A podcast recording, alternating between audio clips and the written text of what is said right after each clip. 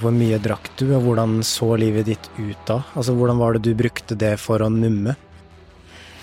Ok, så jeg, jeg kjenner at det her, det her er første gangen jeg snakker høyt om det, utenom at det er bare meg og deg som snakker om det, eller at det er de nærmeste.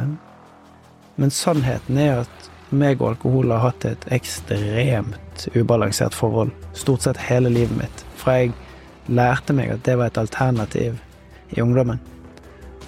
Og grunnen til det var fordi at jeg hadde ingen måter å jobbe med den indre uroen på. Jeg hadde ingen verktøy, ingen virkemidler. Det var ingen som hadde lært meg hva jeg skulle gjøre med det brølet som av og til kom fra innsiden. da.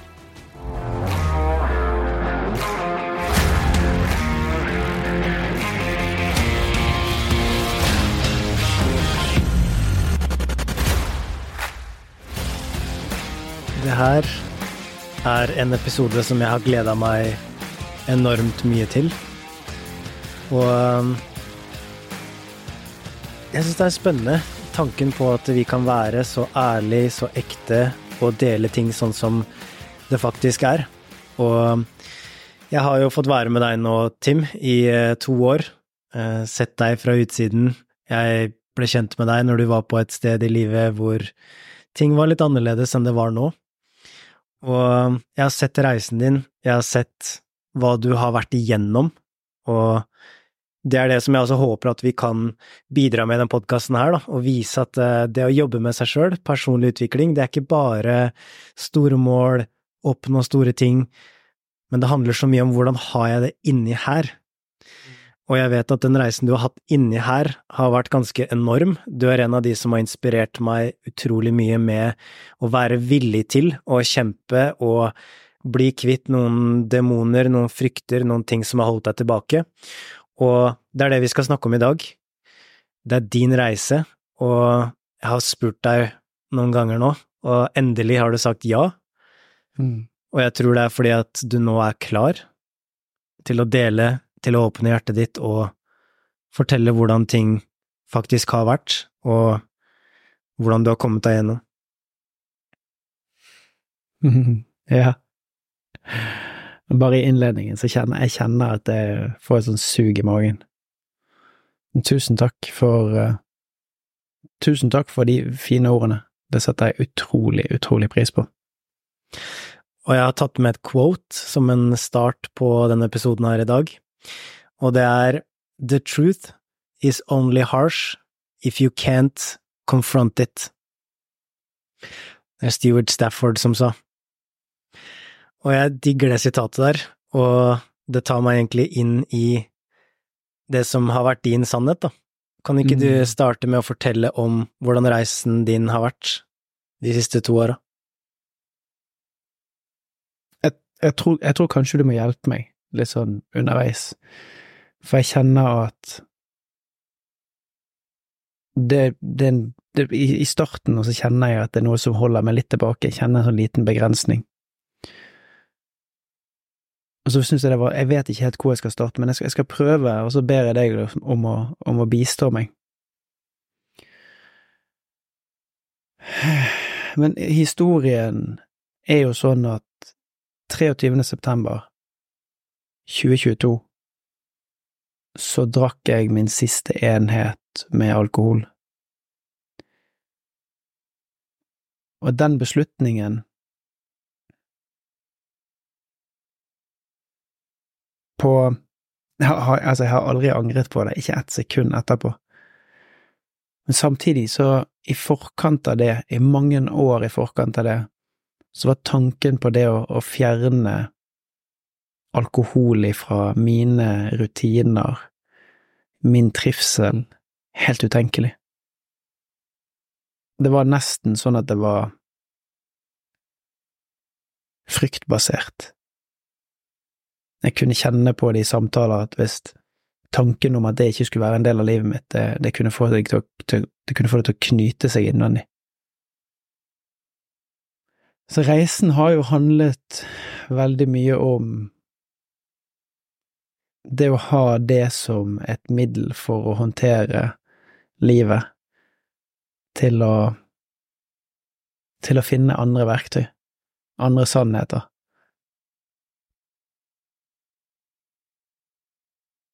Wow.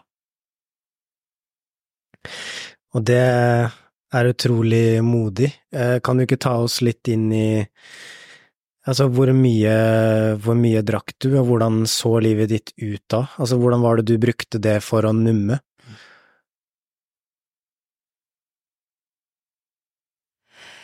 Ok, så jeg, kjenner at det her, det her er første gangen jeg snakker høyt om det, utenom at det er bare meg og deg som snakker om det, eller at det er de nærmeste. Så det Men jeg startet jo mitt eget selskap høsten 21, og det gikk kjempebra. Jeg, jeg begynte 1. august og hadde masse oppdrag fra dag én. Det som jeg var redd for kanskje skulle bli en, en, en høst der jeg skulle streve, viste seg at jeg fikk masse oppdrag. De som jeg hadde jobbet med tidligere, ville fortsette å jobbe med meg. Jeg omsatte godt, og jeg løp veldig, veldig fort. Og på den tiden der, jeg husker jeg satt på, jeg satt på toget på vei fra Østlandet og, og på vei hjem til Trondheim, og så tok jeg kontakt med en kostholdsekspert.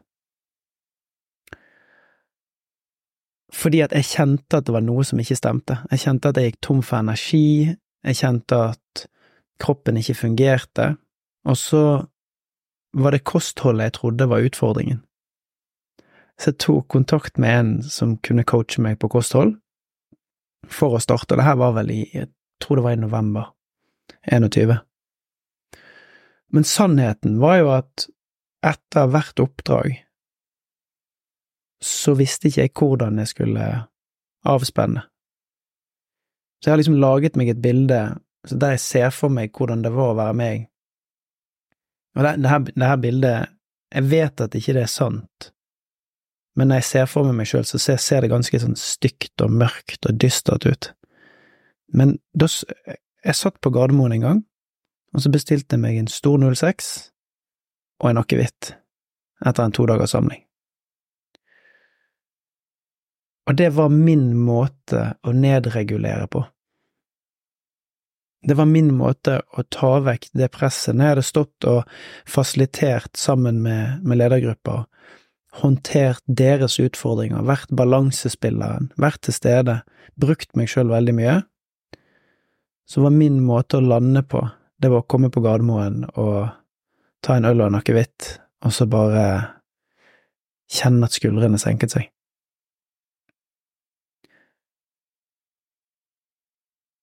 Og jeg tror nok at når jeg ser tilbake så leitet jeg etter anledninger, gode unnskyldninger, for å kunne ta den ene ølen eller de to glassene med vin.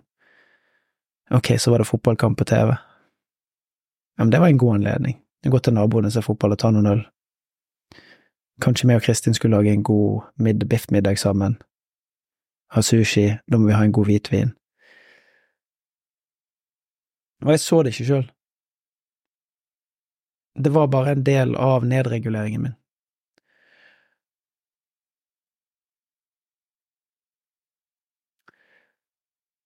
Og så får jeg et Jeg kjenner at jeg får et behov for å forklare.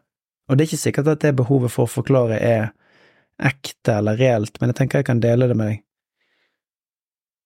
Fordi at gjennom de siste to årene, da, der vi er på andre året nå, så har jeg jo gått og tenkt at jeg har liksom tenkt stygge tanker om meg sjøl, da, fordi at måten jeg brukte alkohol på, var ubalansert og destruktivt. Og så har jeg òg liksom kjent på at jeg har kanskje satt merkelapp på meg sjøl. Sånn, du…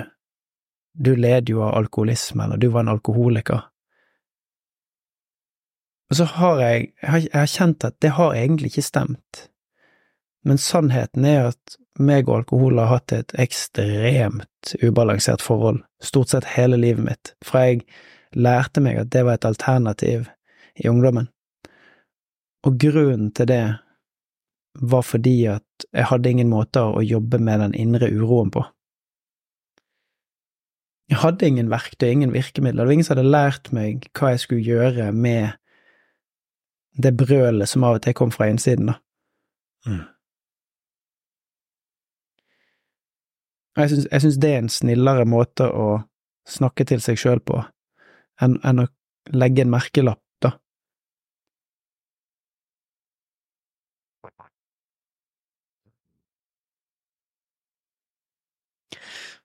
Men hvordan eh, var det med på å forme Så du sa du startet med å drikke i ungdomsåra, det er mange som gjør det. Eh, og så kommer det jo, som du sa i stad, til et punkt hvor du merker at det det kommer veldig mange anledninger, plutselig, til å Mm. drikke, til å roe seg ned, du klarer ikke helt å slappe av uten. Eh, hvordan utvikla det her seg etter ungdomsåra? Hvordan, hva slags forhold hadde du til alkohol da? Eh, når er det du følte at det begynte å bli litt sånn usunt eh, forhold til det? Jeg tror det ble usunt når livet ble for tungt å bære. Så hvis jeg ser tilbake, så Mønsteret i voksenlivet, da, for i ungdomsårene så var nå det sånn som det var, Eh, og jeg hadde ikke noe Jeg hadde ikke noe godt forhold til det, jeg drakk alltid for mye, for fort, havnet i situasjoner fordi at jeg var overstadig beruset. Men på det tidspunktet så var jo det aldri aktuelt å tenke at det kom ifra noe sted, det var rett og slett bare ungdomsdumskap. Men når jeg ser tilbake fra den tiden etter at tvillingene ble født, og etter at jeg begynte å jobbe som rådgiver og konsulent, rett og slett når, når livet krevde for mye av meg, så har det sånn sakte, men sikkert sneik det seg inn som en, som en løsning. Um, kanskje spesielt da tre, fire, fem år før jeg sluttet, sånn for en seks-syv år siden. For i min jobb, når du er sammen med ledergrupper, reiser rundt om i landet, så har jo, hvis vi har en todagerssamling, så er jo ofte kvelden på dag én deres anledning til å samles. Vi spiser ofte veldig god mat, og veldig mange ledergrupper har da òg god drikke ved siden av. Og jeg tror jeg tror aldri jeg inntil, altså de siste to årene, har takket nei til alkohol i sånne settinger. Og så har kanskje mengden variert, men det har alltid vært to glass. Og jeg tror årsaken til det er, er det som jeg sa innledningsvis, at det var så godt når den dagen var ferdig, så var det òg min måte å liksom åh, lande litt på. Når noen sa nei, men vi går på rommet og dusjer, og så møtes vi i baren, så var det sånn yes, vi møtes i baren. Og så landet jeg litt.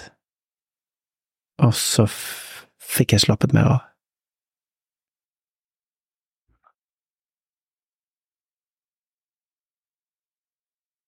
Mm.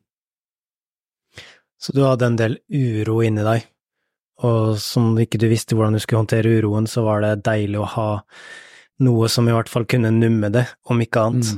Mm. Mm.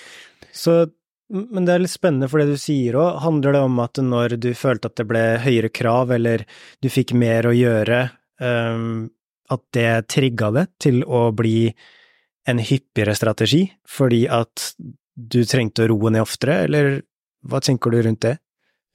Jeg tror det. Jeg tror det er det enkle svaret på det. At når, når kravene og mengden krav var høye, så jeg hadde ikke noe problem med å stå i det. det. Jeg kunne våkne om morgenen, og så kunne jeg gå på jobb, og så sto jeg i det. Men det var veldig godt å lande på kvelden i én til to enheter, noen ganger tre. Og det er litt tilbake til den uh, inngangen til det når jeg tok kontakt med han kostholdseksperten, uh, eller han coachen, så begynte vi å jobbe med, med kostholdet, og der var jo det åpenbare mangler uh, i forhold til hva jeg hadde i meg av næring gjennom dagen, og hva var det som ga kroppen min fuel. og så er jo spørsmålet hønen eller egget, hva kommer først? Hmm. men det som jeg, jeg begynte å registrere, var at jeg unnlot å legge inn i skjemaet. Mm. sånn så innsikten var der, men var der ikke. Uh, jeg, jeg, skjønte jo hva jeg holdt på med, men jeg, ikke, jeg ville ikke face det, jeg ville ikke være ærlig med meg sjøl. Men når jeg da så at jeg i et skjema, hvis jeg hadde vært ute eller hadde drukket fire mikrobryggøl som kjempe, smakte kjempegodt, så skrev jeg ikke de inn. Og Det her henger jo sammen med det som jeg har lyst til at vi skal snakke litt om òg, for jeg kjenner, at, jeg kjenner at det er tungt å dele det som føles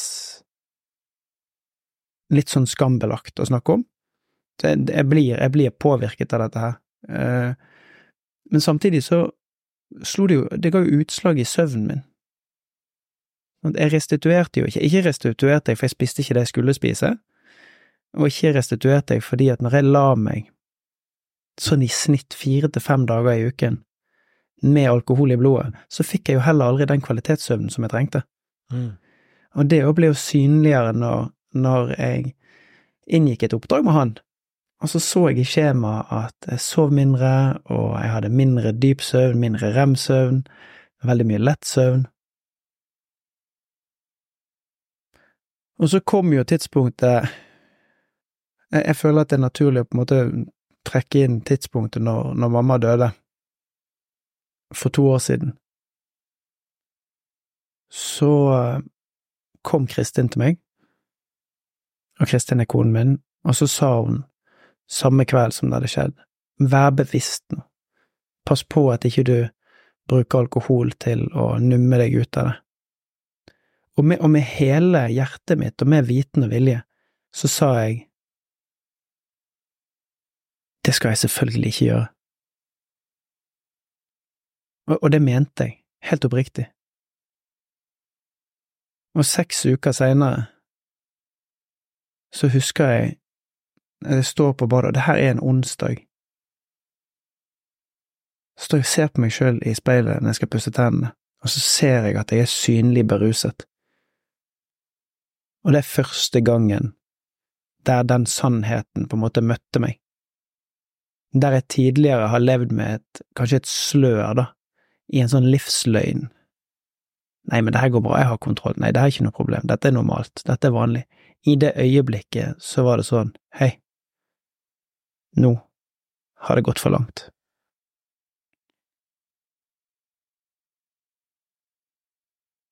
For sannheten var jo at jeg hadde jo, jeg hadde jo drukket meg ut av det. Hmm. Og, og, og, og, ikke sånn fra morgenen av. Det å føle jeg er viktig å understreke at det var, det var sånn anledningen på kvelden Jeg lagde unnskyldninger for å for å ta et glass vin, eller for å ha noe til maten, eller for å gå og se fotball, eller Og det er så interessant når vi ser på det etterpå. Når jeg ser tilbake på det, så ser jeg at At det er mulig å lyge så kraftig til seg sjøl, og tro på det.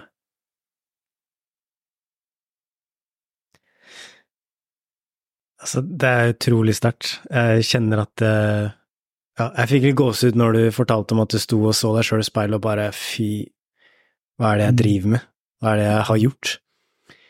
Og det er jo her vi også begynner å se de symptomene, da, på at det sniker seg inn og ja, tar over litt styring på hva som egentlig skjer, da, både i forhold til hvordan du møter mennesker du er glad i, men også i forhold til hvordan du møter deg sjøl, og igjen, da, det å miste moren sin er jo også det er jo tøft, det er jo en det er vanskelig å oppleve, og alle har jo sine måter å håndtere sorg på, men det er jo spennende når du er så bevisst på at selvfølgelig skjer ikke det, og så er det noe av det første som skjer, er nettopp mm. det.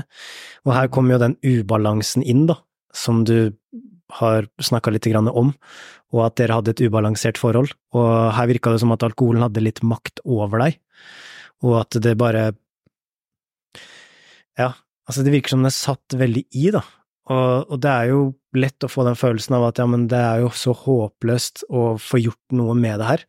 Og jeg syns ja. du er sjukt modig som deler akkurat sånn som det er. Og det var jo litt som det quote i stad, at uh, sannheten er jo bare harsh hvis du ikke konfronterer den. Mm. Og nå konfronterer du sannheten.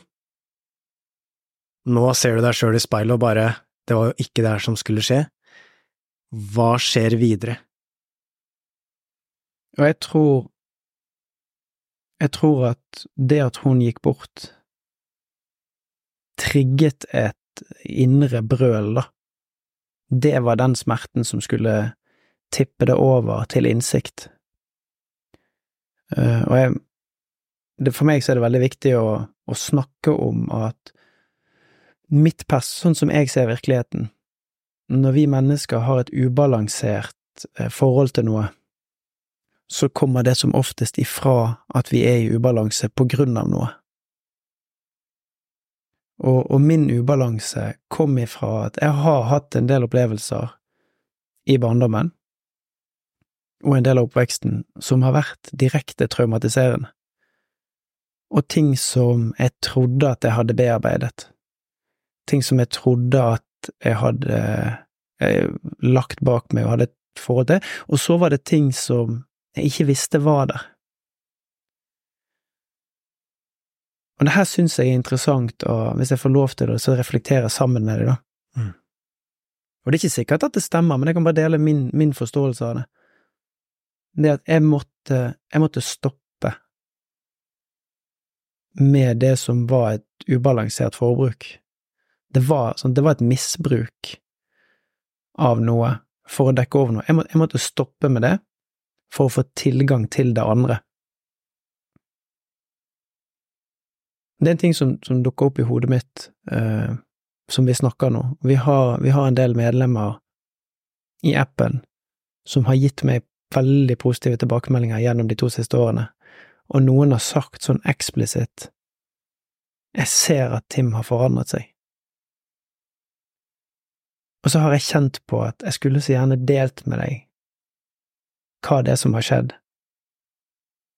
Og så er det kanskje dette øyeblikket der det er en mulighet til å si sånn tusen takk for at du har sett meg, og dette er en av de tingene som, som jeg har gjort for å for å bli fri, da.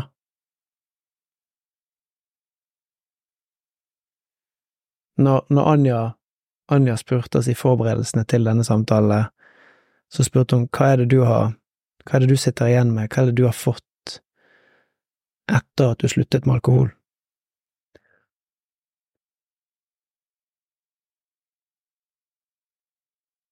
Og svaret mitt var ganske kontant. Jeg har fått livet tilbake i gave.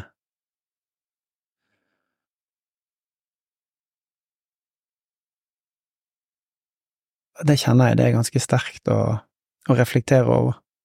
Ja.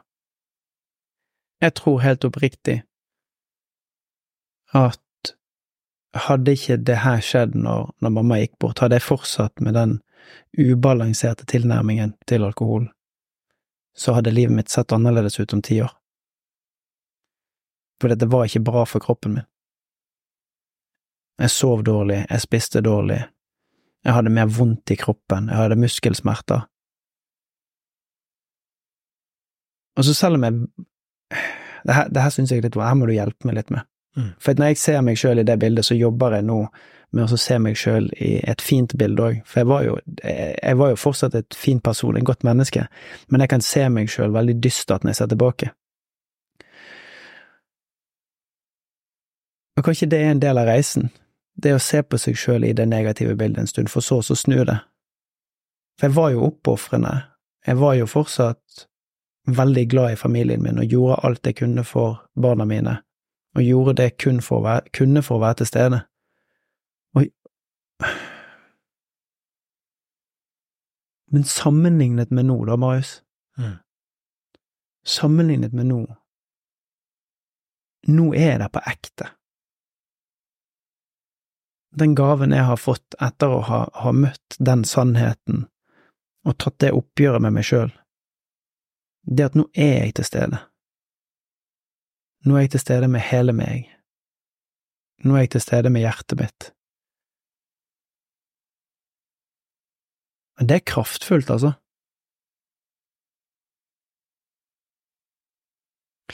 Det, det jeg syns er veldig kraftfullt med det, det er jo når du ser tilbake, og så Jeg syns det var så sterkt det du sa, at når mammaen din gikk bort, så var det det som aktiverte en energi som gjorde at du faktisk begynte å ta tak i det. Mm. Og der også ser man jo at når vanskelige ting skjer, altså når det blir nok drit da, som bygger seg opp, til slutt så er det litt sånn at du snubler i den driten. Den er liksom Det er som å skyve ting under teppet, så blir det bare større og større hev, og så til slutt så begynner det å ramle, og så bare Når skal jeg få ut den driten her, da? Når skal jeg gjøre noe med det? Og jeg tror det er noe utrolig kraftfullt med å se tilbake og vite at eh, den du er nå, og det som har vært, det har jo vært akkurat sånn det skulle være. Yes. For, for hvis du har det For hvis du har det bra nå, og så har du hatt det kjipt før, så var det jo en test. Du, du ble tvinga til å ta i bruk krefter inni deg, da, til å skape endring og til å gjøre Mm. ting annerledes, fordi du så at det mønsteret ikke var rett, men du gjorde jo bare det som du følte var rett for deg. Altså, du hadde jo en strategi, Mm. så hvorfor kunne du ikke bare bruke den? Og du hadde ikke lært noe nytt, så hvordan skulle du da gjort ting annerledes? Og, og det, det syns jeg er veldig sterkt med å se tilbake, da, når vi ser tilbake Mm. og ser læring, veksten, at det var, det var en del av det, det var en del av din evolusjon og sånn du har det nå. Så er det jo ikke noe feil. Mm.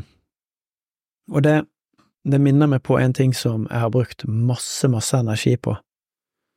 Jeg husker ikke hvor jeg hørte det, men det er òg å være takknemlig for den personen du var når du tok valget om å endre deg. Det, det er en ting som jeg bruker litt tid på innimellom, når jeg kjenner at den indre stemmen blir for streng. Det at når jeg ser tilbake, så, så kan jeg jo finne kraft i at du skal være stolt av den personen som innså det, og som Yes. sa hit, men ikke lenger. Det, for det er en veldig stor forskjell. Når jeg tenker på meg sjøl som Altså, du skal se det selvbildet som jeg ser på meg sjøl, en mørkt, svak, dystert bilde når jeg lukker øynene, men samtidig så kan jeg reframe det til å se liksom det lyset inni meg som, som nå skinner, da. Det var der da òg. Og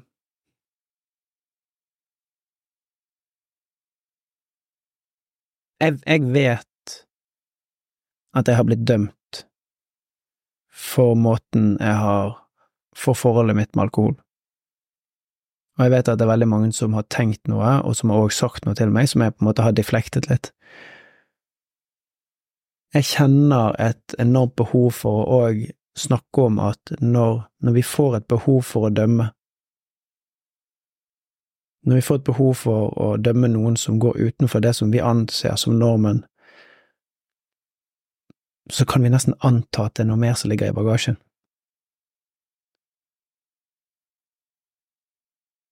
Som en del av Jeg, jeg må dele den ene koblingen der. Som en del av min reise, da, når jeg har jobbet med å få tilgang til disse opplevelsene og disse traumene mine, så hadde jeg en opplevelse når jeg var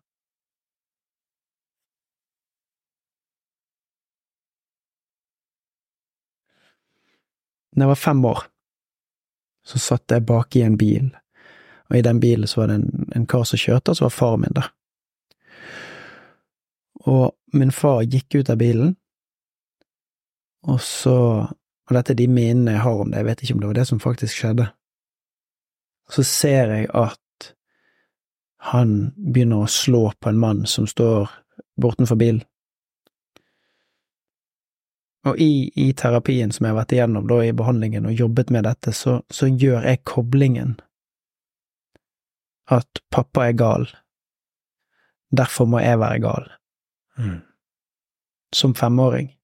Og jeg hadde veldig mye atferd i oppveksten min som barn, der det ble en profeti, selvoppfyllende profeti.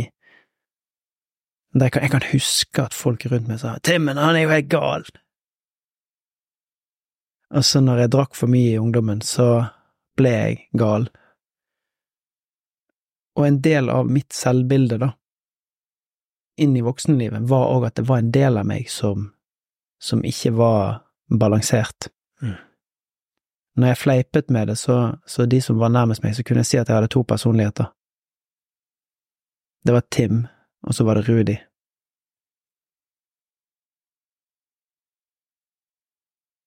Og Rudi var han som sto for det ubalanserte forbruket.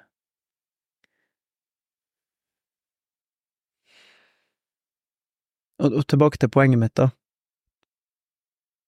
Jeg har, jeg har, veldig lyst til, så når du spurte om vi kunne snakke om dette, så, så um, har jeg visst at vi skal det en eller annen gang.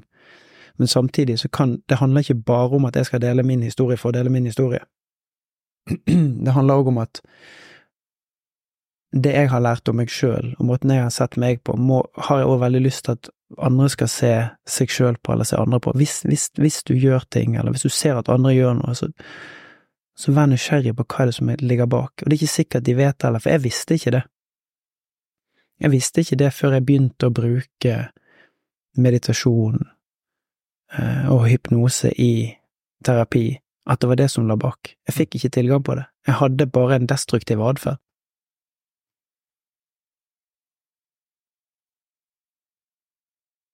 Og så vet vi også hvor mye det har å si de første åra vi lever. Altså, vi suger jo til oss ting som en svamp, vi modellerer, vi ser på verden rundt oss, og så former vi historier, da, om hvordan verden skal være, og hvem er jeg, for å passe inn i den verden her. Og det her er jo veldig tydelig at du da tar på den identitet som han, han gale, uh, Rudi, uh, mm. fordi at det var det du så. Og, og, det var det som du følte var naturlig for deg å ta inn til deg selv. Mm. Og, og, det er jo så utrolig trist at du har opplevd det, at det skjedde. Og så er det også sånn at det skjedde. Og det er jo ikke i hvert fall jeg syns ikke det er vanskelig å se den koblingen der mellom at du så det fra din far, du tar det med deg inn som din måte å se verden, det former dine valg når du vokser opp, og så var det egentlig en, en belief, da, en historie som du tok med deg fra du var kjempeliten, og så mm. ble det en ubevisst ting som du bare tok med deg videre, og så er det først nå du begynner å se at når du blir bevisst nå, så ser du at det er disse mønstrene som er i spill, da. Mm. Og hvordan det har Du har fått tatt med deg det, da. Og det er det jeg syns er så fint at du tar opp òg, fordi alt henger jo sammen. Det er jo ikke sånn at nei, jeg bare begynte plutselig å drikke, for jeg, jeg hadde bare lyst til å drikke, det var jo ikke det som var greia. Men du hadde den uroen på innsida. Du hadde ikke verktøyene for å håndtere uroen på innsida, og da blir det til at vi søker også etter noe som kan hjelpe oss, da. Og det er jo litt sånn, husker jeg leste det en gang, jeg tror det var Johan Hari som skrev en bok om Lost Connections eller sånne ting, og han snakka om det her med mennesker da som blir avhengige og som eh, ruser seg og sånne ting, da. Det er jo ikke rusen som er problemet. Det er jo hvorfor de tyr til rus. Mm. For å numme det ubehaget som de har på innsida. Og, og, det husker jeg, når jeg hørte det første gang, så, så, kjente jeg meg veldig igjen, da. Og jeg også har en onkel, blant annet, som har som vært på kjør i mange år og sånne ting, og jeg vet jo hvorfor han starta, og jeg så jo også hvordan det var en måte å prøve å løse problemet på, og så ble det etter hvert en strategi som som ble problemet. Og mm. jeg syns det er viktig, da, å ta opp at det, det, er som regel alltid noe som ligger bak, og det at eh, hvis vi dømmer noen det er litt sånn som å dømme noen som er urolig i klassen, og så blomstrer de når de får være ute og løpe, men så syns de det er mm. jævla vanskelig å sitte stille. Og det er sånn hvis du skal dømme noen eh, basert på den atferden du ser, da, og som ikke er rett, så, så dømmer du jo bare en sånn liten del av det mennesket. Og det som også kommer fram når vi snakker nå, det er jo at du har jo hatt med deg hjertet ditt. Du har jo ikke vært en, eh, en asshole hele livet ditt.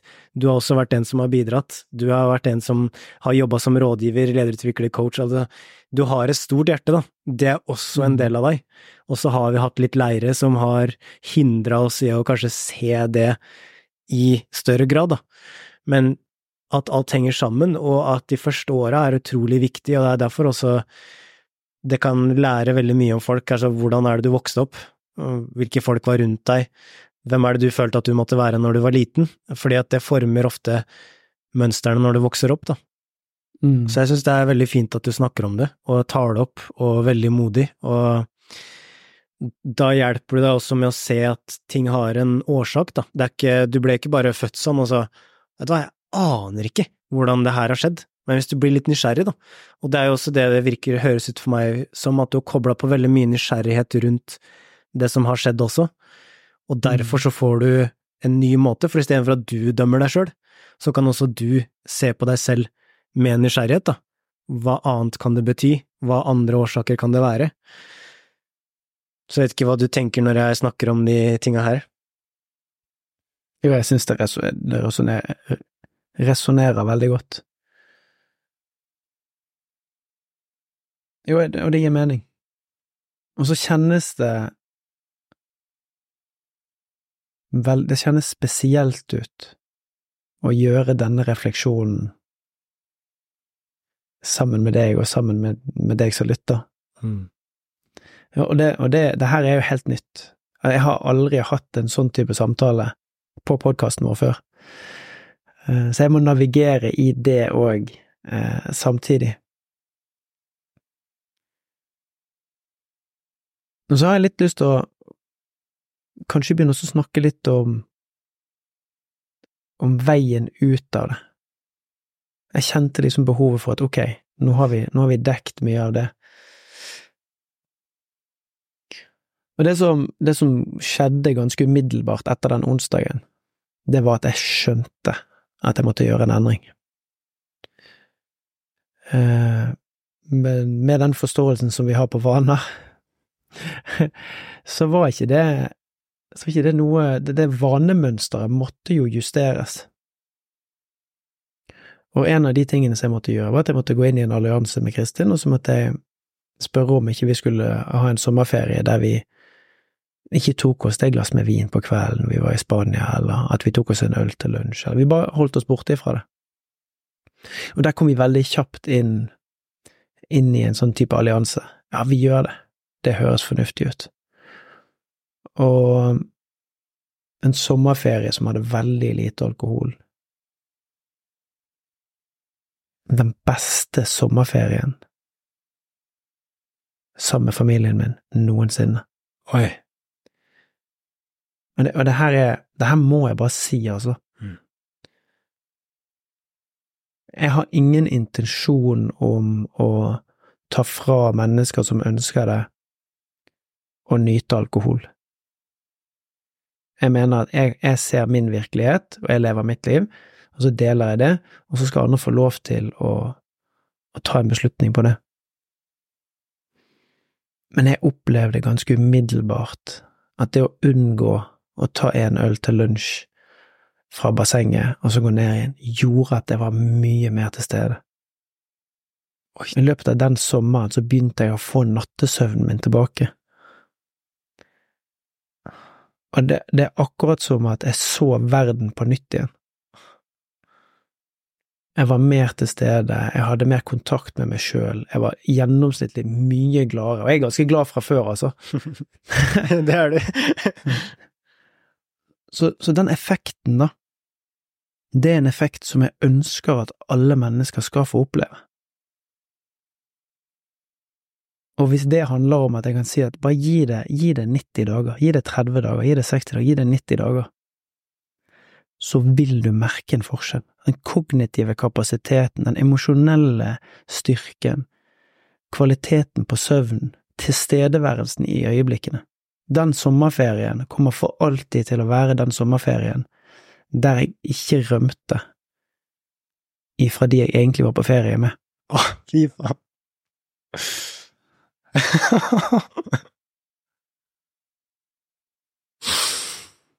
Åh.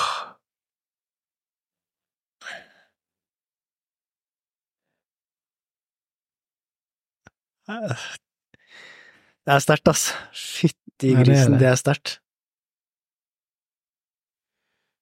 Men jeg hadde ikke tatt beslutningen helt enda. Jeg kunne fortsatt Jeg, jeg lurer på om jeg regnet på det, bare på gøy, og jeg tror jeg drakk tolv enheter med alkohol ifra Jeg tok beslutningen i mai til eh, til jeg sluttet helt i september, da. Men det som var en medvirkende årsak til dette, det var jo at meg og det var sammen i august, og så var du dønn ærlig med meg. Og så sa du, Tim, jeg kan ikke eie et selskap sammen med deg og drive et community der vi sier at stillhet og ro og meditasjon er en av de viktigste pilarene i livet, og så praktiserer ikke du meditasjon. Om det var sånn du sa det ordrett, det, det husker jeg ikke, men, men på en måte sånn hører jeg det fortsatt, eller sånn hører jeg det når jeg tenker tilbake på det. Og det var den gangen jeg sa ok, challenge me. Og så lagde vi en utfordring på det, og jeg begynte å praktisere stillhet og meditasjon. Det var første uken på august.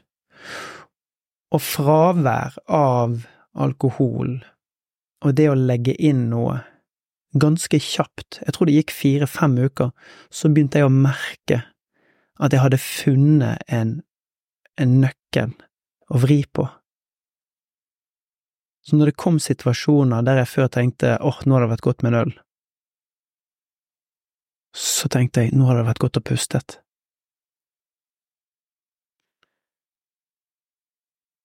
Og så fikk det modne seg, og det hadde vært litt gøy å sette Skal vi ta etterpå og regne på hvor mange dager det er siden 23. september. Men, men da nei, da satte meg på flyet, for da var vi nede i Spania på en, på en ukes ferie på høsten Men jeg satte meg på flyet dagen etterpå, så kjente jeg Der er det over. Der er det ferdig.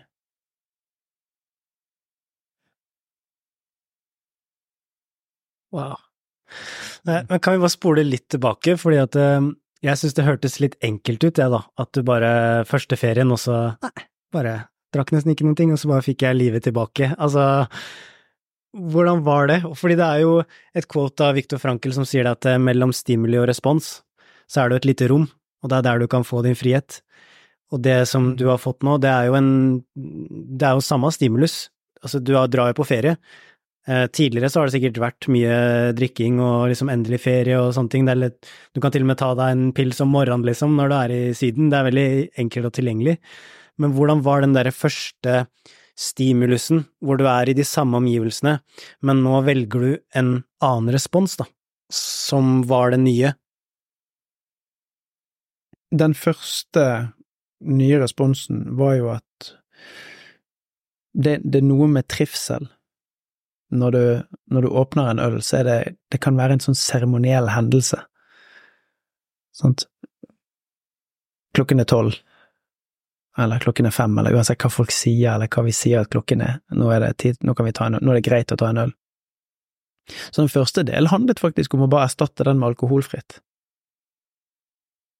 For jeg, jeg skjønte at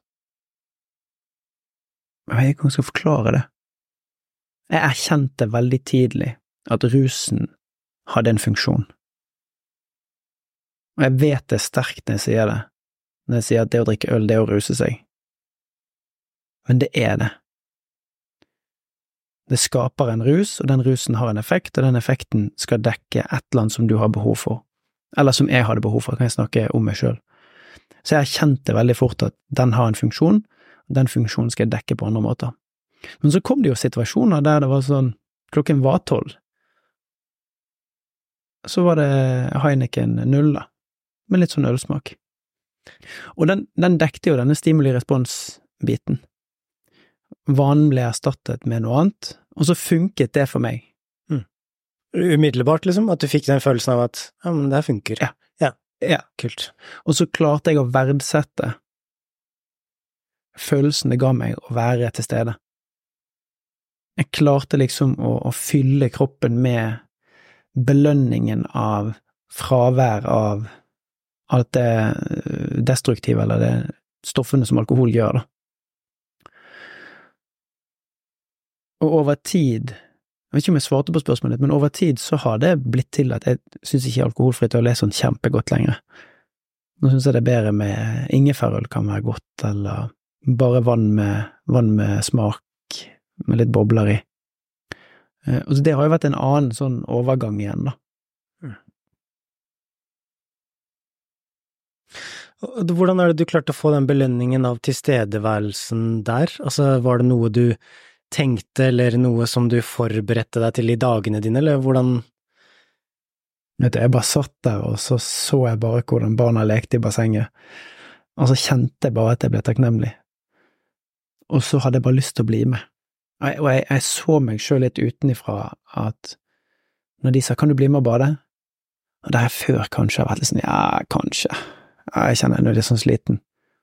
For det, altså det var jo det alkohol gjorde med meg. Ble jo mer seig, ble mer sliten. Så var det sånn, ja, jeg er med. Og så ut i bassenget og bli med på leken. Wow. Så utrolig fint. Ja, det, altså, det For meg så er det helt oppriktig, så har jeg fått en del av livet mitt tilbake. Mm. Og så sitter du på flyet, og så merker du at nå er det over, du har begynt å meditere, puste, du har fått en ny respons på din stimulus, for du kjenner vel fortsatt på uro, eller hvordan er det? Sannheten er at altså, dette var jo sommerferien, og så kommer høsten, og så skulle vi dra på en ukesferie på høsten igjen. Og sannheten er at den ene uken der nede, så var jeg jo på sett og vis begynt, begynt å slutte med å drikke. Og så var det en kveld der jeg kjente at det var godt å drikke mer enn to enheter. Og kroppen min jagde etter den tredje. Og da skjønte jeg, altså, vi er ikke kompiser. Altså, vi har, vi skal ikke lenger være sammen. Veldig fint, tusen takk for at du har hjulpet meg og vært bryteren min når jeg har trengt det, men der jeg er i livet nå, vi skal ikke gå sammen lenger. Og så bare skrudde jeg av hele energien til det. Når jeg satt på det flyet i september, så bestemte jeg meg for at nå er det ferdig. Dere slo opp? Vi slo opp. Den, den energien ble igjen i Spania. Mm. Oh, shit, altså.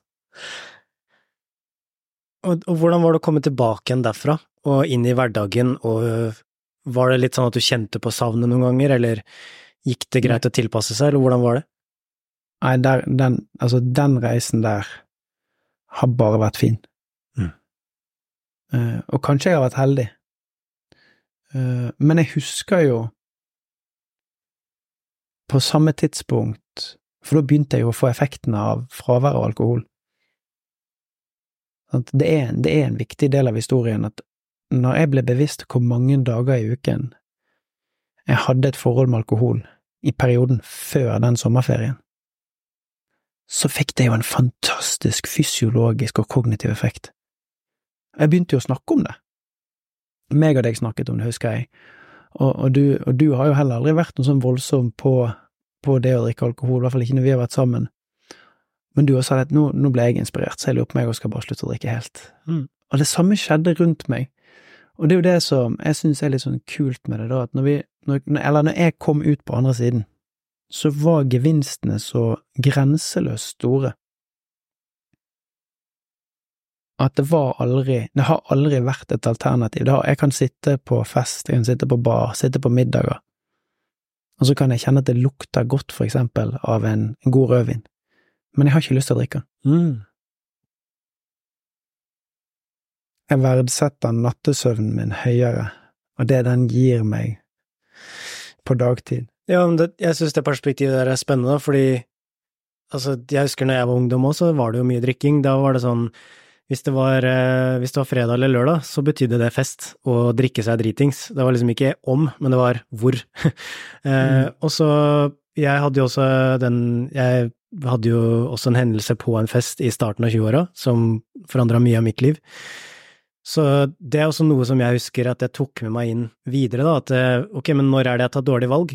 Jo, det er jo som regel i forbindelse med alkohol, det er jo da den sleivete kommentaren eller det dårlige valget, eller plutselig så havner man på et sted hvor man ikke bør være, veldig ofte i relasjon til alkohol, da. Og jeg husker jeg ble veldig inspirert av deg i form av at jeg hadde aldri prøvd å bare slutte helt med det, eh, men de siste åra så er det sånn, jeg kan kanskje telle på én hånd eh, hvor mye, eller hvor ofte jeg drikker sånn at jeg blir, føler at jeg blir litt sånn tipsy, da. Men da hadde jeg nesten et helt år etter at du bestemte deg for å slutte, eh, hvor jeg ikke drakk noe som helst, og det gikk kjempefint. Og jeg var til og med på reunion med, med gutta, liksom, og ikke drakk. Og det var også samme responsen der, at det var noen av de som bare 'Hvorfor drikker ikke du, da?' Og så, mm. så sa jeg jeg har det, har det, fint uten, og har et uh, prosjekt med meg sjøl, og prøver å teste dette. Og da var det flere som sa det, og bare 'Å, shit, det der hadde jeg trengt òg', for det går jo mye penger, og det blir jo mye, mye dårlig søvn og dårlig form da, som blir ødelagt av det, så Så, så det er så forskjellig hva folk tenker om det, og eh, sånn som det er nå, så er det sånn at jeg kan fint ta meg et glass vin på kvelden, så jeg har fortsatt, kan fortsatt drikke alkohol, men eh, jeg liker jo bedre meg sjøl og tilstanden min når jeg er bevisst, enn at jeg skal bli nummen og ubevisst av alkoholen. Så mm.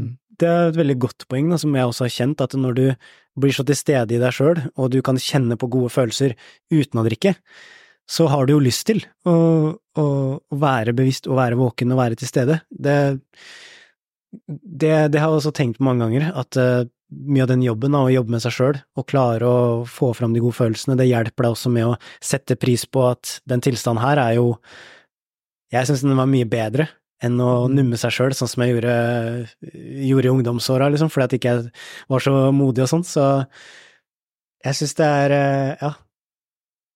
Der ser man effekten av jobben, da, og virkelig tappe inn i de gode følelsene. Og så tenker jeg at det er et viktig tema, fordi at det var ikke bare bare å gå til omgivelsene og annonsere at jeg ikke lenger drakk. Og eh, ikke mange, men det har vært en håndfull, kanskje to håndfuller med personer, som har sagt på en eller annen måte at å ja, så vi kommer aldri til å kunne drikke oss full sammen igjen, vi. Som om det er et savn, eller kom til å bli et savn. Og jeg tror at det å, det å tørre å eie det, da Jeg kjenner at når vi har denne samtalen nå, så er en av mine intensjoner med å dele det, det til de som eventuelt lytter, som kjenner at de har lyst til å, å komme ut av en type ubalanse, eller har lyst til å bare bli helt fri fra det. Og der det ikke er et avhengighetsforhold, sånn at det, det vanemessige og fysiologiske ikke står i veien, men det er mer det rituelle med det. Mm. Sånn, det seremonielle med når er det vi drikker alkohol, og når er det vi drikker øl. Det å, å si at du har tatt et livsvalg og heller prioriterer body batteryet ditt eh, dagen etterpå. Det kan være litt tøft i starten, men jeg har utelukkende positive erfaringer med det nå. Og folk blir mer nysgjerrige, og folk sier akkurat det som du sa i sted. Åh, vet du, det, jeg har vært litt nysgjerrig på det. Og der er jo, der er jo disse her nye klokkene og ringene veldig fine måleapparater fordi at sannheten er at etter en hektisk arbeidsuke Vi skal ta min, et eksempel på en uke, da. Så var jeg på reise mandag-tirsdag. Mandagskveld så var jeg ute og spiste middag, og så var ikke det mye alkohol, kanskje det ble en øl og så to glass vin. Redusert søvn til tirsdag. Samling tirsdag, ganske heftig samling, og så kanskje jeg hadde tatt taxi til flyplassen, så jeg tok taxi tilbake, så jeg kunne ta en øl på flyet eller en på flyplassen. Onsdag så hadde meg og Kristin date night, så da lagde vi noe sushi, og kanskje vi så en film sammen. Tok et glass vin, kanskje to. Torsdag var stille og rolig, kanskje på trening. Fredag biff og rødvin. Og poenget er at den helgen, da, der jeg skal lade til neste uke igjen, det bodybatteriet mitt som Garmin-klokken da fyller opp med god søvn, det ble jo aldri fulgt opp. Så jeg gikk inn i lørdagen, jeg, litt sånn sliten, litt kaffe, men det var jo fint å ha fri, og vet du hva, mest sannsynlig så ble det et eller annet på lørdagskvelden òg, og så kanskje det var en fotballkamp på søndagen, det var brannkamp på søndagen, så da røyk de to siste ølene. Mm. Som da betyr at på mandagen, når jeg startet på nytt opp igjen, så hadde ikke jeg hatt noe restitusjon. Og det er, hvis du skal på en måte jeg kan forsøke å si at hele budskapet handler jo om hvem er det jeg vil være på mandagen. Og hvis, du, hvis jeg, jeg, gjentok jo dette, sånn, uke etter uke etter uke etter uke, så det var jo ikke rart at ikke jeg spiste nok, og ikke fikk resultater av treningen min, og ikke sov og hvilte godt nok, og noen ganger hadde dårlig tålmodighet og ikke klarte å konsentrere meg. Så er det jo en myte òg, som mange tror, at hvis du drikker om kvelden, så, så sover du bedre fordi at du blir trett. Men det er jo søvnen din gjennom natten som blir Du blir ikke tatt inn i den dype søvnen når du drikker alkohol, da. Masse forskning og sånn som viser det, så det er også et veldig spennende perspektiv, da, fordi det høres ut som du har blitt mer optimalisert og blitt mer produktiv, fokusert, og står tryggere i deg sjøl, da, nå som du har ja, kutta ut alkoholen og ja, fått kanskje bedre rutiner på plass? Ja. Og så har jeg mer tilgang til hele følelsesspekteret. Jeg blir mer oppmerksom når det kommer noe som er et ubehag, og så må jeg faktisk forholde meg til det. Jeg må være nysgjerrig på det.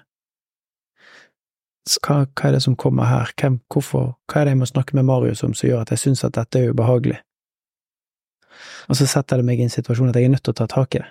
Ja, og er det det som er annerledes nå, at du kjenner, du kan kjenne på ting som er ubehagelig, men du er mer, du registrerer det, og så tenker du mer på hva du kan gjøre det, eller hvordan er det du løser ting nå?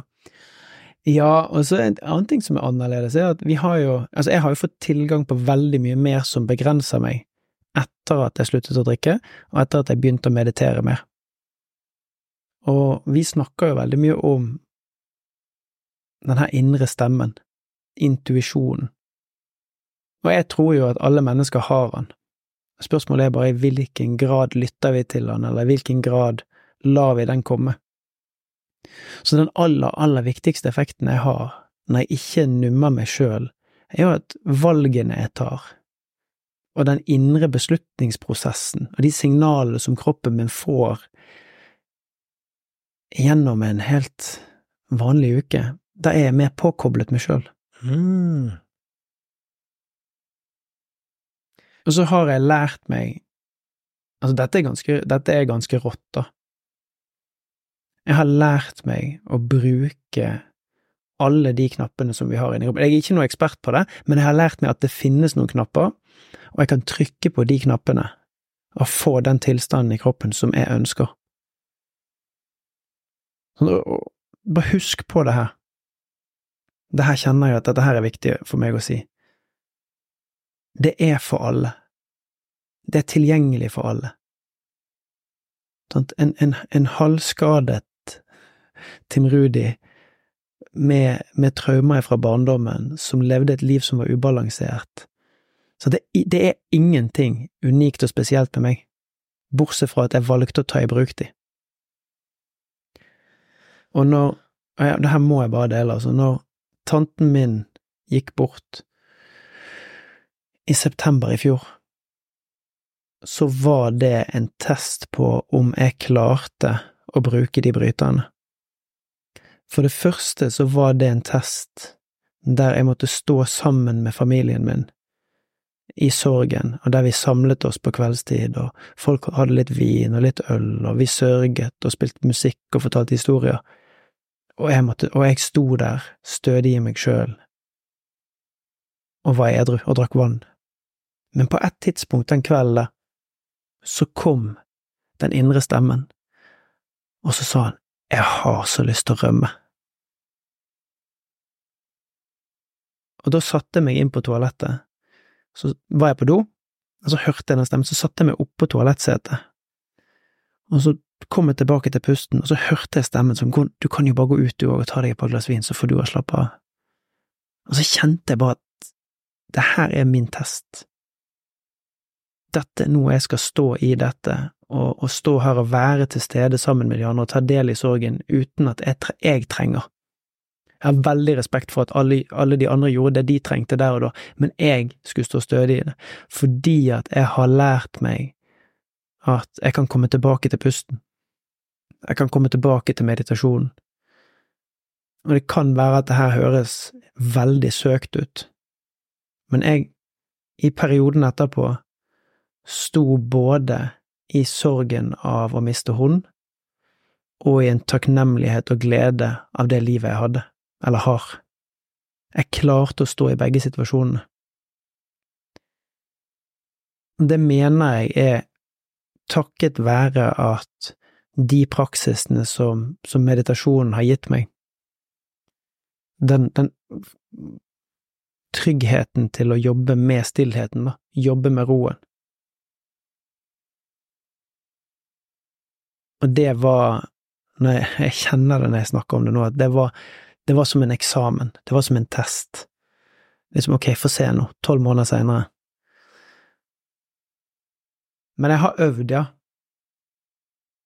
nesten mer eller mindre hver eneste dag i 13 måneder for å stå i det. Og det er det jeg hadde lyst til å si også, for i stad så sa du etter den flyturen at ja, kanskje jeg var heldig. Så tenker jeg nei, du var ikke heldig, du var ærlig, og så var du villig. Du var villig til å gjøre jobben. Og det er det har jeg også så lyst til at de som hører, virkelig Ja. også skal ta med seg, fordi at det er ikke bare sånn at ja, jeg har en utfordring, og så er du ferdig. Det er da det starter. Og som du sier, du har gått inn i meditasjonen, gått inn i ubehaget, alle de tinga her, men det kommer ikke av seg sjøl, da. Du må være ærlig, og du må være villig, og det syns jeg den historien her beskriver så sykt bra, og jeg blir så stolt, og jeg blir så glad da for at det her er mulig, fordi jeg så jo hvordan du hadde det for to år siden, og du hadde, du hadde så mye på innsida der som du ikke visste hva du skulle gjøre noe med, og jeg, jeg utenifra er jo så glad for at du valgte å være ærlig og gjøre den jobben med deg sjøl, for jeg ser en helt annen Tim i dag. Jeg får en helt Mm. annen energi av deg. Vi kan snakke sammen, og jeg, jeg kjenner ikke den der uroen eller ja, vi må Jeg kjenner bare Jeg kjenner mye mer takknemlighet og kjærlighet, altså fra deg òg, da. Så det er den effekten du har når du jobber med deg sjøl, så påvirker det også omgivelsene dine positivt.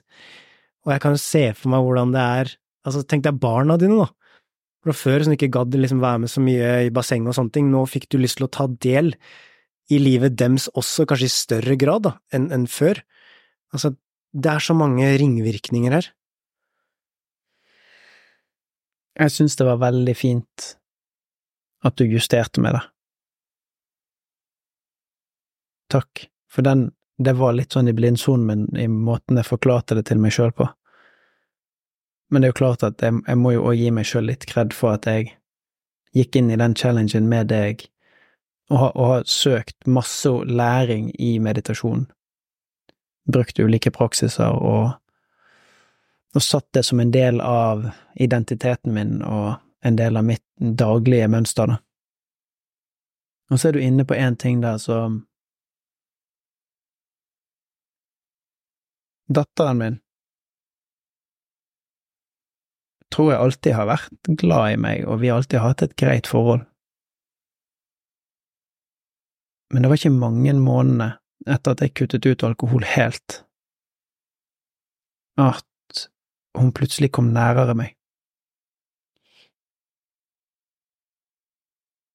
Der Og nei, jeg har ikke tenkt på det før, det er lenge siden jeg har tenkt på det. Der hun plutselig kom klatrende i mine armer igjen. Og hun har nok gjennomskuet meg. For hun er lynskarp emosjonelt, og hun har nok kanskje sett den ubalansen, og den ubalansen har kanskje skremt hun litt og skapt avstand. Så det Å, den gevinsten der, altså. Wow. Det er litt heftig å sitte her og si det, og så ser jeg at du blir rørt. Ja, jeg blir det. Ja. Men, men det igjen bekrefter jo også den kraften det er, da. For det sier seg jo også litt sjøl at når du er mer i ro, så er det også lettere å komme nærmere. Og det er vanskeligere å komme nærmere folk som er all over the place og som har mye uro, selv om de kan skjule det, for det er så lett å føle, da, hvordan Mm. folk opplever det og har det. Og Ja, og så, vet du Det kommer et bilde i hodet mitt. Unnskyld. Ehm, du og Anja spurte meg for noen år siden, jeg tror dette her er tre år siden, men hvem er det som er bak denne finskjorten og dressjakken? Der må vi faktisk reflektere litt over, Marius, når vi først er inne på det, og døren er delvis åpen. Den uroen var jo usikkerhet, skapte usikkerhet, skapte utrygghet. Så jeg tok jo på meg en rustning, og min rustning var jo finskjorte, dressjakke, smilet mitt, litt sånn falsk smil, men, men det, det vet jeg at det kan jeg bruke som et verktøy, og som et våpen, og kunnskap, andre sin kunnskap.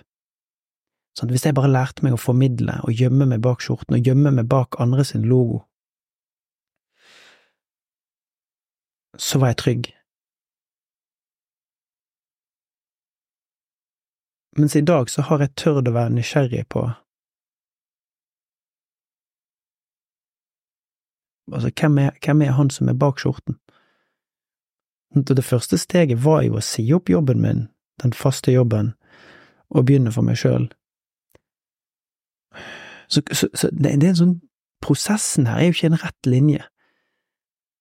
Jeg har jo hatt lyst til å bli, bli fri fra disse vonde tankene om meg sjøl, eller den uroen inni meg, kanskje lenge.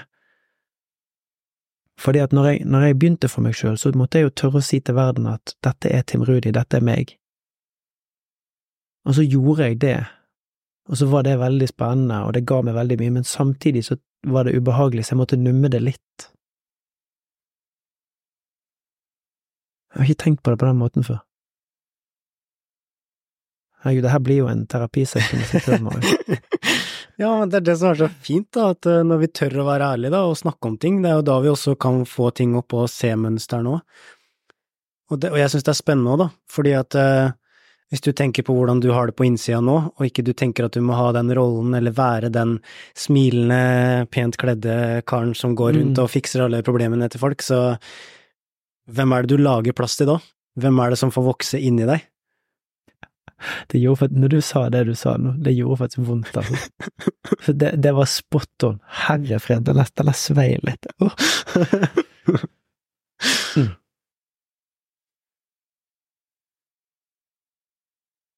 Jeg blir litt uh, nysgjerrig når du prater, uh, Tim, fordi at uh, du har snakka litt om barna dine.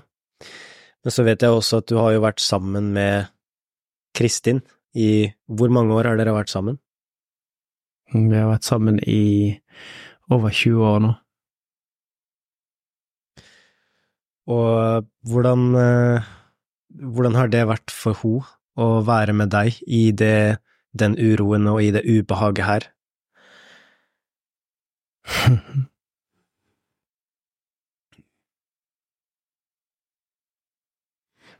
Det er vel kanskje Det er vel kanskje når vi Når jeg, når jeg toucher innom det temaet her, at jeg kjenner at, at det blir vanskeligere å snakke om. Fordi at jeg, jeg kan lett sitte og snakke om det fra mitt perspektiv og alt jeg har skjønt og alt jeg har lært og min reise. Men når du stiller det spørsmålet, så, så må jeg jo ta hennes perspektiv. Og det har jo ikke vært enkelt, fordi at når hun, hun traff jo meg som 20-åring, og, og, den uroen, den var jo der da òg, og, og den kom til utspill som er sånn ukontrollert forhold med alkohol. Altså, jeg ble alltid overstadig beruset. Når vi skulle, når vi skulle feste sammen. Men det endte alltid med krangling. Altså, uten at jeg skal brette ut alle mine fadeser, så har hun levd ved siden av meg, og jeg med bakgrunn i Det som jeg vet nå, med bakgrunn i min uro og min smerte, da, stått på Av og til, hun har stått ved siden av meg, men litt sånn på utsiden, og så sett at jeg har køddet det til, gang på gang på gang. Jeg tror jeg har mistet fem fly i løpet av vår historie sammen, der jeg har vært et sted, og så har jeg vært på fest, og så har jeg ikke kommet med på flyet, eller den ene gangen ikke fått lov til å fly på grunn av for høy promille. Og, og det å erkjenne og eie det ubehaget som, som min atferd har påført henne, det, det koster. Det syns, det syns jeg er ubehagelig.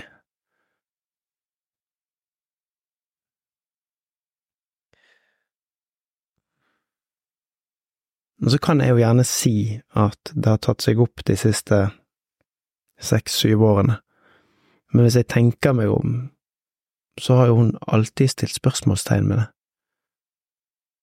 Fra ganske tidlig av For hun har ikke hatt det samme forholdet til alkohol i det hele tatt. Nesten, nesten det motsatte, litt sånn avstand fra det. Og når, når jeg får tenkt meg om, så er det sånn, har jeg fått spørsmål ja, men er det nødvendig å drikke et glass vin nå?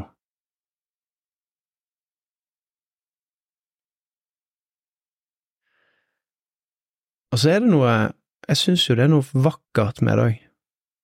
Ikke vakkert med selve ubalansen, men det at meg og Kristin sin historie, den handler jo òg om, om utholdenhet.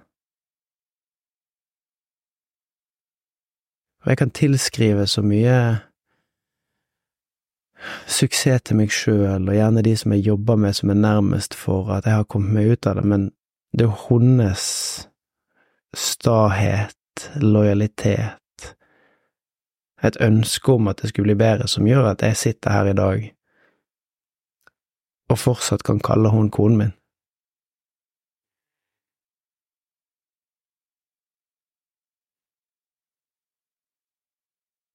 Hun skal nok ha tilnærmet all æren for at jeg har klart å ta den reisen som jeg har tatt i dag, fordi hun har vært den trygge havn, og den som har vært tålmodig, lojal, håpt, og så når jeg var klar for å gjøre mitt skifte, backet til 100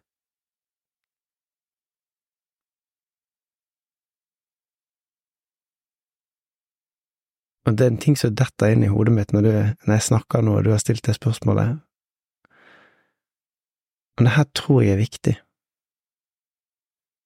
De siste 500 dagene så har ikke vi hatt unødvendige krangler som kommer ut av bagateller. Mens Det er da, det er da antall dager uten? Ja, antall dager uten alkohol. Um, og der er før Og det her, og det her vet du, nå, nå kom det noe til meg som jeg ikke har tenkt på på lenge.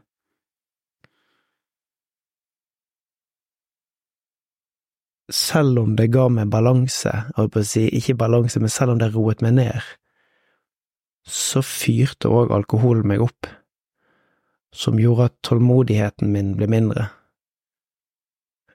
Jeg ble mindre skjønn, mindre tilstedeværende, og mer kritisk overfor hun. Og, og, det handler ikke om, jeg bare lyst, det er akkurat som jeg føler at jeg må dementere et bilde av at jeg sitter på en lørdagskveld og er overstadig beruset. Ikke nødvendigvis det det handler om, men det handler om når, når lørdagskvelden har vært eh, et par glass vin til maten, altså en øl til filmen, sånn at det akkurat er nok til at det òg skuldrene senker seg, men det blir en litt sånn fyrisk irritasjon i magen. For det er de tingene som jeg da har undertrykt av det presset og stresset som jeg ikke har lært meg å håndtere, det forsvinner jo ikke av alkoholen. Eller forsvant ikke av alkoholen. Og på et eller annet tidspunkt så ble det liksom som en sånn åpen portal ut av meg igjen. Og der tror jeg at jeg har, eller der vet jeg at min atferd har påført enormt mye lidelse.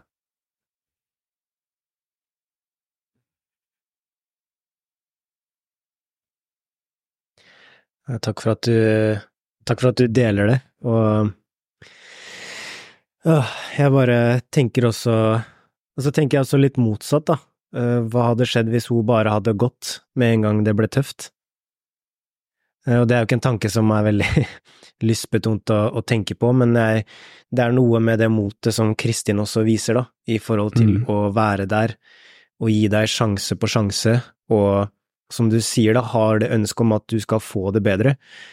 Og så høres det jo nesten litt ut at det var noen år der som det ikke var noe særlig bevis på at det skulle bli så veldig mye bedre heller, kanskje. Jeg vet ikke hvordan det var, men det er jo noe med mm. å, å, ha tillit, tillit til deg og tillit til prosessen, da, og, og ha en sånn ja, tro på at det kanskje kan bli bedre, og, og ikke gi opp det, men fortsette å, å tro på det, da. Med, det er jo en kjærlighet i bånn her som er ja. utrolig sterk. Mm. Og så tror jeg vi begge to er veldig utholdende. Og har hatt veldig tro på oss hele tiden. Og det tror jeg har vært et suksesskriterium. Der vi gir ikke opp, vi jobber med det. Hvis noe er, er litt skakt eller litt ødelagt, så fikser vi det. Vi løper ikke ifra det. Og det, og det er helt sant, I, i noen perioder der så var det to skritt frem og fire tilbake.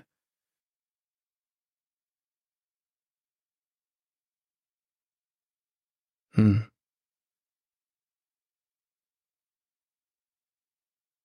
Wow. Og så er det én ting som jeg syns er utrolig viktig å legge til.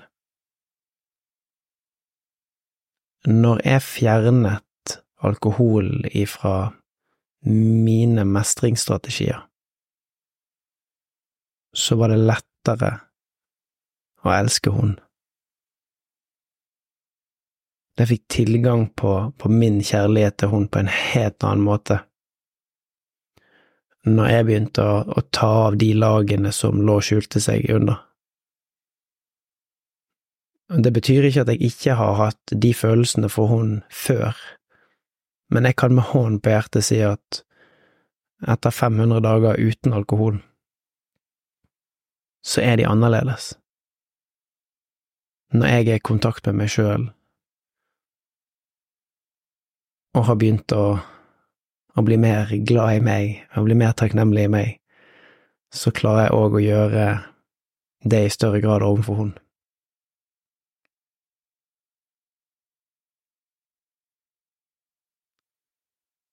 Og den er verdifull.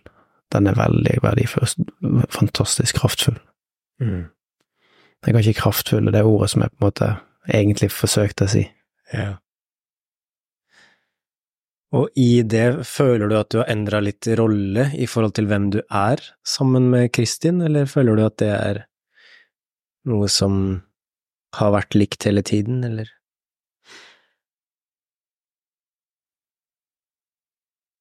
Åh, det, det er et veldig, veldig dypt spørsmål. Jeg, jeg tror Ja. Rollen min har jo endret seg.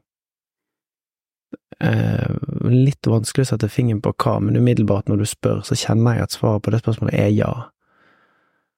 Og det, og det handler kanskje mer om hvem jeg ser at jeg må være for hun.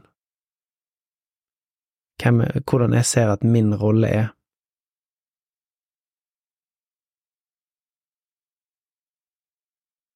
Her er det som kommer til meg, da. På et tidspunkt i mitt liv når ikke jeg klarte det presset og stresset og de kravene som sto i meg, så måtte jeg bruke andre måter å mestre på. Og samtidig som at jeg måtte bruke andre måter å mestre det på, så dømte jeg meg sjøl. For innerst inne så visste jeg at det var feil, innerst inne så var det en stemme som, som var kritisk. Når jeg satt på Gardermoen og kjøpte den store ølen og akevitten, så var det ikke bare happy thoughts. Det var òg dømmende tanker. Og det var en mye kortere vei for meg på den tiden der å være dømmende overfor hun. Ja. Å være kritisk overfor hun når jeg var kritisk overfor meg sjøl.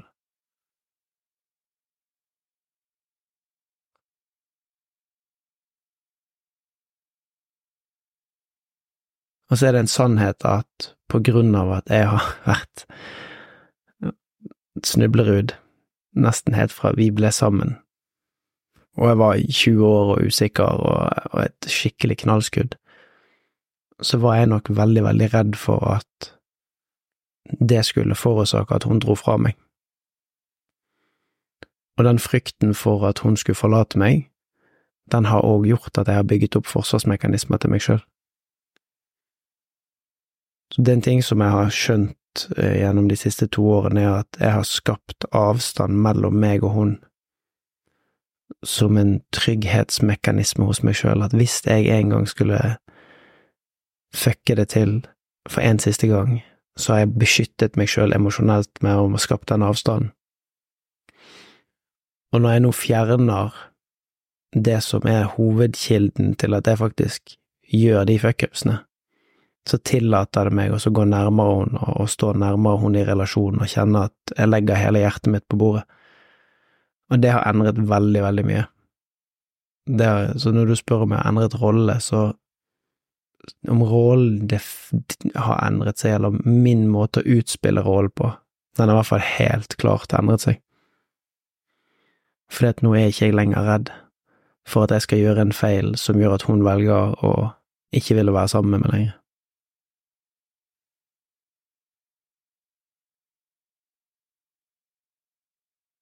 Så utrolig fint. Mm.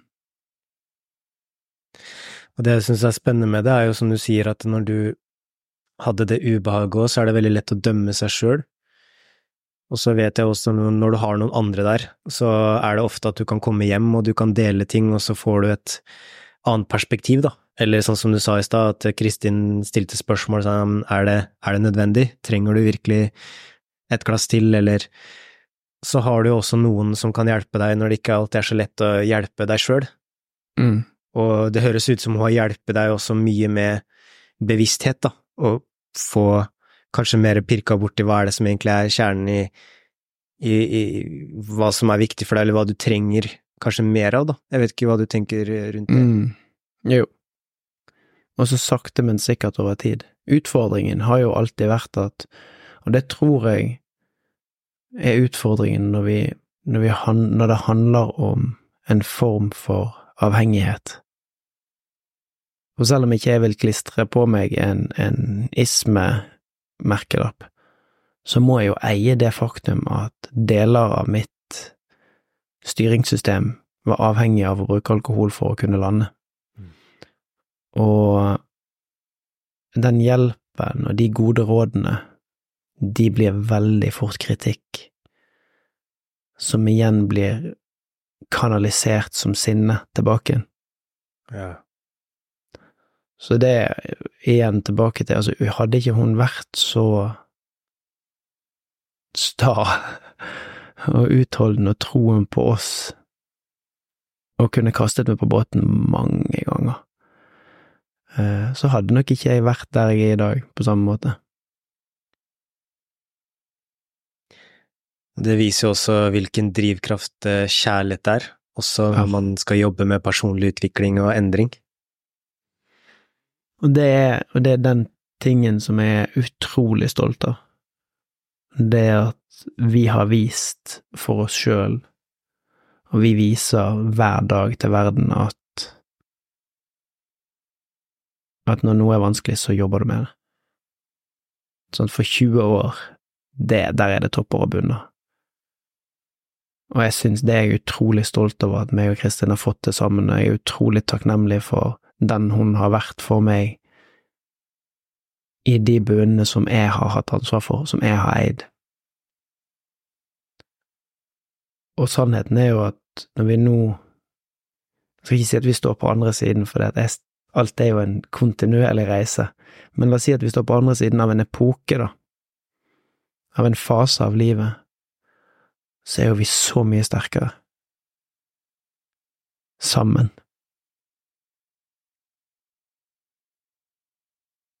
På grunn av det dere har vært igjennom? Mm. Og på grunn av den hun har vært for meg, og den vi har vært for hverandre. Men, men, det er, men, det er, det du får muligheten til når du jobber med deg sjøl, da, og, og, er villig til å gi slipp, fordi jeg føler også at du har også vært, du har vært villig til å gi slipp på veldig mye. Du sa det, det var viktig for meg å si opp jobben, blant annet. Uh, mm.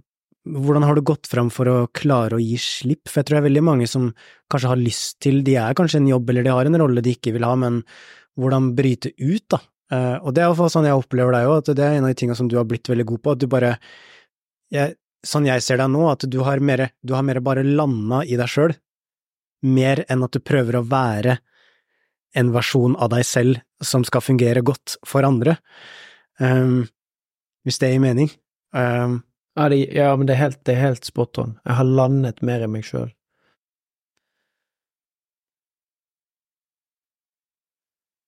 Jeg tror hver enkelt sin reise inn i det er unikt. Og så tror jeg at hvis du velger å våge å lytte, så fins svarene på innsiden. Hvis du kjenner at det er noe som ikke stemmer, det er noe som skurrer, og jeg, jeg, jeg får lyst til å si hadde jeg bare visst før, men poenget er at alt skjer i den rekkefølgen det skal. Yes. Men, men ubehaget mitt tok meg jo til ulike situasjoner der jeg måtte ta et oppgjør med meg sjøl. Eh, det er det ene. Så tør, det å tørre å bare når, når du får lyst til å gjøre den tingen som gjør at du vil rømme, da, la meg få starte der. Hvis det handler om at når fredagen kommer, så har du veldig lyst til å ta en øl, eller det er godt å sitte med mobilspillet, eller når du shopper på nettet, så får du en umiddelbar glede. Altså, hvis det er ting du gjør som du tenker det burde jeg ikke gjort, så skap avstand til den tanken, og så se den litt sånn utenifra, og, og tenk hva, hva hvordan ville det vært hvis jeg bare hadde sittet i det ubehaget som jeg forsøker å dekke over, eller stilt spørsmålet er det et ubehag jeg forsøker å dekke over? Og så er det, det andre punktet her er litt vanskeligere å skape sånn ut av det blå, men jeg ville jo sagt omgi deg med mennesker som Anja og Marius, som er oppriktig nysgjerrig på det som bor i deg, på ekte, og som tør å stille de spørsmålene, som tør å stå ved siden av deg gjennom det som er krevende. For det er den Du sier jo det at du kanskje så det, kanskje ikke du klarte å sette ord på det, du heller, det var bare noe som skurret, men det å ha noen rundt seg som deg, som stiller de spørsmålene, som er nysgjerrig på ja, men hva hadde skjedd hvis… Hva er det du egentlig har lyst til å si? Og hvis du tar vekk frykten, hva står du igjen med da? Og det er jo de tingene som du har vært god på å spørre meg om, som har gitt meg en anledning og en trygg havn til å ta av alle disse lagene. For jeg har bygget på meg en rustning, og så har jeg da tatt av litt og litt av rustningen, og så tør jeg å være mer av meg sjøl, og jeg tør å være mer av meg sjøl i møte med kundene mine. Hvis jeg, gjør, hvis jeg, gjør, en feil, for eksempel, før så var det å skrive noe feil i en mail eller å si noe feil, det var et nederlag. Jeg tapte ansikt, for jeg var ikke lenger liksom han superkonsulenten. Mens jeg tør å være mer av meg sjøl, fordi at meg og deg er mer av oss sjøl sammen, så kan jeg le litt av meg sjøl og si sånn, du vet du, jeg, jeg vet den mailen der ga jo ingen mening, jeg, jeg, må prøve å forklare det på nytt, beklager. Um, jeg vet ikke om jeg svarte sånn direkte på spørsmålet ditt, men jeg for liksom å ja, men altså Reflektere litt rundt det. Ja, altså en ting jeg plukker opp i det du sier, det er jo det med altså som du sa, da, at eh, alkoholen var med på å numme.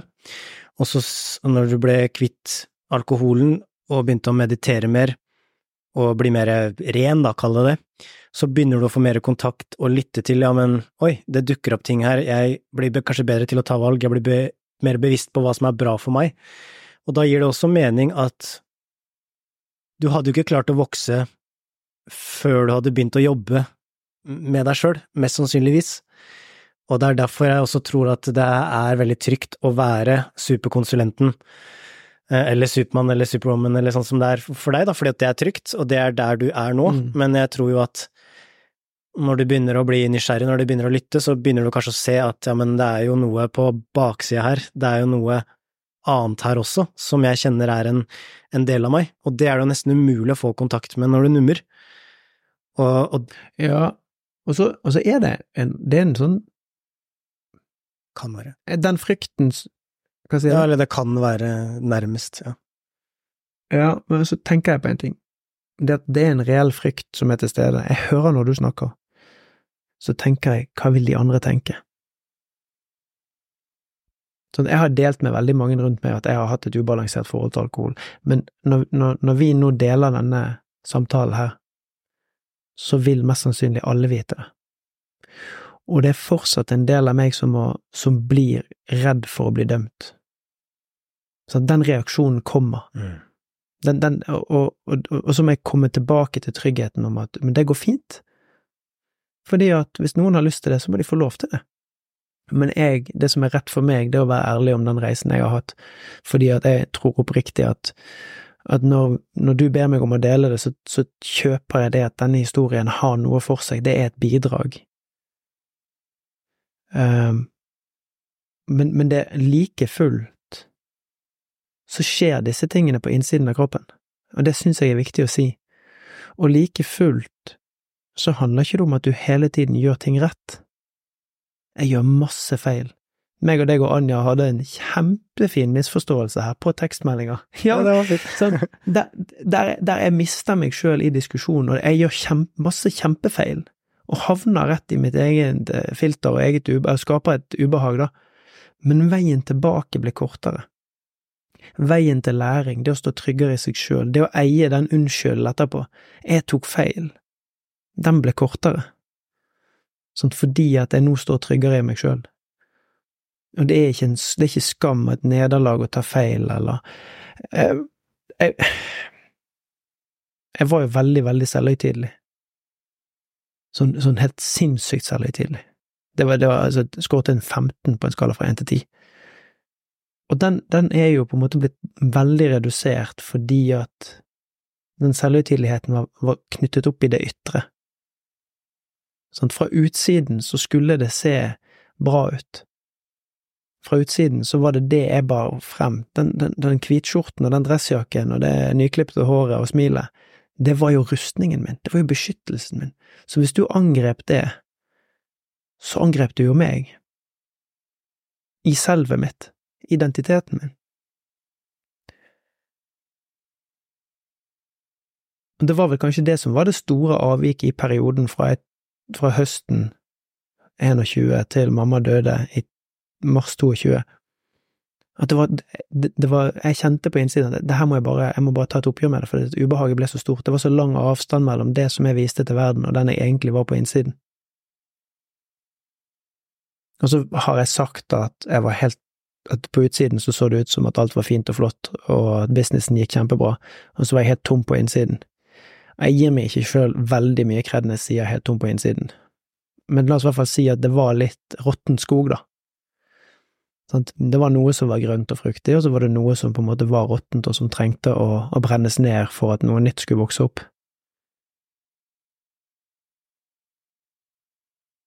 Mm. Det er veldig, det er veldig bra. Jeg, jeg, tror også det er viktig å ta fram, for det også se på det som en gradvis prosess, da, og se på det som en Det er jo en fuckings krøll når du jobber med deg sjøl. Det er ikke en rett linje, sånn som du sa i stad. Det, det, går fram og tilbake, og så føler du yes, nå har jeg det, og så bare bom, rett i trynet. og, og, det er livet. Eh, det er en realistisk fremstilling av det, men eh, jeg tror også på den kraften som du har vist i dag, da. Du har turt å være ærlig, du har turt å være ekte. Det er sånn Du har jo sikkert sett Eight Mile med Eminem, og mm. han bare legger fram all dritten om seg sjøl, og så er det ingen som plutselig har noe å si, da. Og det er også et sånt sitat av Mark Twain som heter If you tell the truth, you don't have to remember anything. wow. Fantastisk sitat. Og, jeg, og, vi tror jo på det. Det er jo, det er jo det som er grunnen til at vi sitter her og har denne samtalen. Så at vi tror på det at det å leve i sannhet, og jobbe i sannhet, og dele i sannhet. Det er jo hele grunnen til at vi gjorde om formatet i podkasten fra ti minutter til vi snakker til vi er ferdig. Mm. Fordi at, ja, det er greit det at vi tilfredsstilte et behov som folk hadde. Veldig mange syns at ti minutter var veldig bra til og fra jobb og sånn. Men, men, det var jo ikke det vi ble inspirert av. Det vi ble inspirert av, var jo å dele ekte historier som vi mener har en betydning, som har en betydning for oss, og som vi har lyst til å dele. Og så får vi bare se, da, om det, om det, treffer, eller om det er relevant. Det, det er egentlig ikke så farlig lenger, altså. Jeg syns, bare det ja. Altså, rett eller galt, da. Altså, for hvem? Uh, det er liksom Det er akkurat det. og det er litt den der innsidejobben igjen, da. Så hva, hvordan er det du har lyst til å ha det? Og jeg tror jo også vi får det veldig bra når vi jobber med rene intensjoner og gjør det som føles rett for oss, og så er det jo egentlig bare en fantastisk bonus når andre også digger det og tar del i det men jeg tror på den kraften av å tørre å være hele seg, da, og tørre å by på hele seg sjøl, og jeg tenker jo det også, hvis eh, Ja, sånn som eh, barn, da, og de vokser opp, og de ser foreldre, så det er så lett å sette på seg den superkonsulenten også som forelder, da, at man tenker at man skal være så Mm. ha skitten sin eh, samla. Men det er jo når du tør å innrømme feil, og du tør å vise at vet du hva, jeg har litt mangler, jeg har ting jeg syns er vanskelig, så viser det også andre rundt deg at det er lov, da. Og jeg har jo blitt kjempeinspirert av å se din reise, og se hvordan du også velger å være ekte, da. Og det er jo derfor jeg også hadde så lyst til at du skulle være her og dele din historie, fordi at jeg bare følte nå var vi klar, da, og bare du har gjort så sykt bra jobb med deg sjøl, og jeg er dritstolt. Jeg, jeg er seriøst dritstolt av den jobben du har gjort, og jeg sier det igjen, at du har vært så ærlig med deg sjøl, og du har vært villig til å gjøre jobben, og så ser du nå at du får en ny retning, da, og du får nye følelser, og du får en annen hverdag, og datt Hvordan, hvordan syns du det her gikk? det, det, det var kjempegøy. jeg ante ikke hvordan det skulle gå, men jeg, jeg syns vi har vært innom ting som jeg tror at det er viktig å snakke om, da.